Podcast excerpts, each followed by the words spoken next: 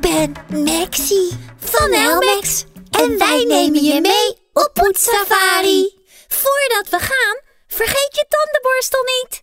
Zit er al tandpasta op? Ja? Poets eerst de onderkant. Begin je links of rechts?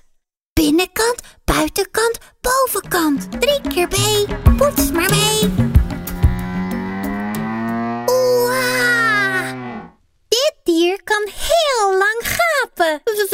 Wat een gigabek, Elmi. Wegwezen.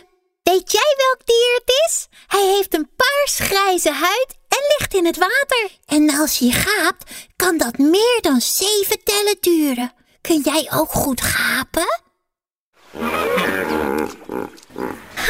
Nu lijk je precies op een nijl.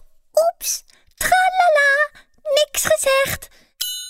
Blijf onderpoetsen, maar wissel van kant. Elmi, je verklapte bijna welk dier het is, borststok op. Nu mag jij dus raden. Het is...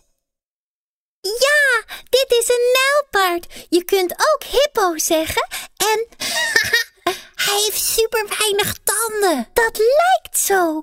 Je ziet alleen zijn hoek- en snijtanden, maar achterin heeft hij 28 kiezen. Tijd om te wisselen. Poets nu de bovenste helft. Eerst links of eerst rechts. Nijlpaarden hebben die kiezen hard nodig.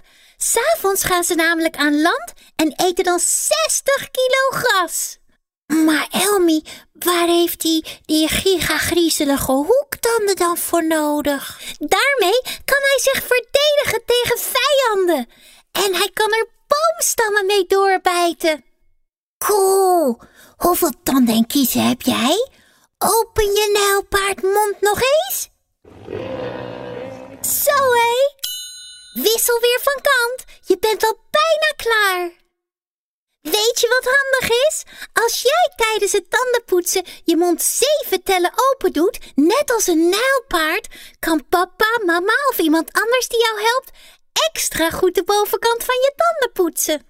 Ja, maar dan moeten jullie wel een geheim codewoord afspreken. Bijvoorbeeld, ehm, nijlpaard. Goed idee.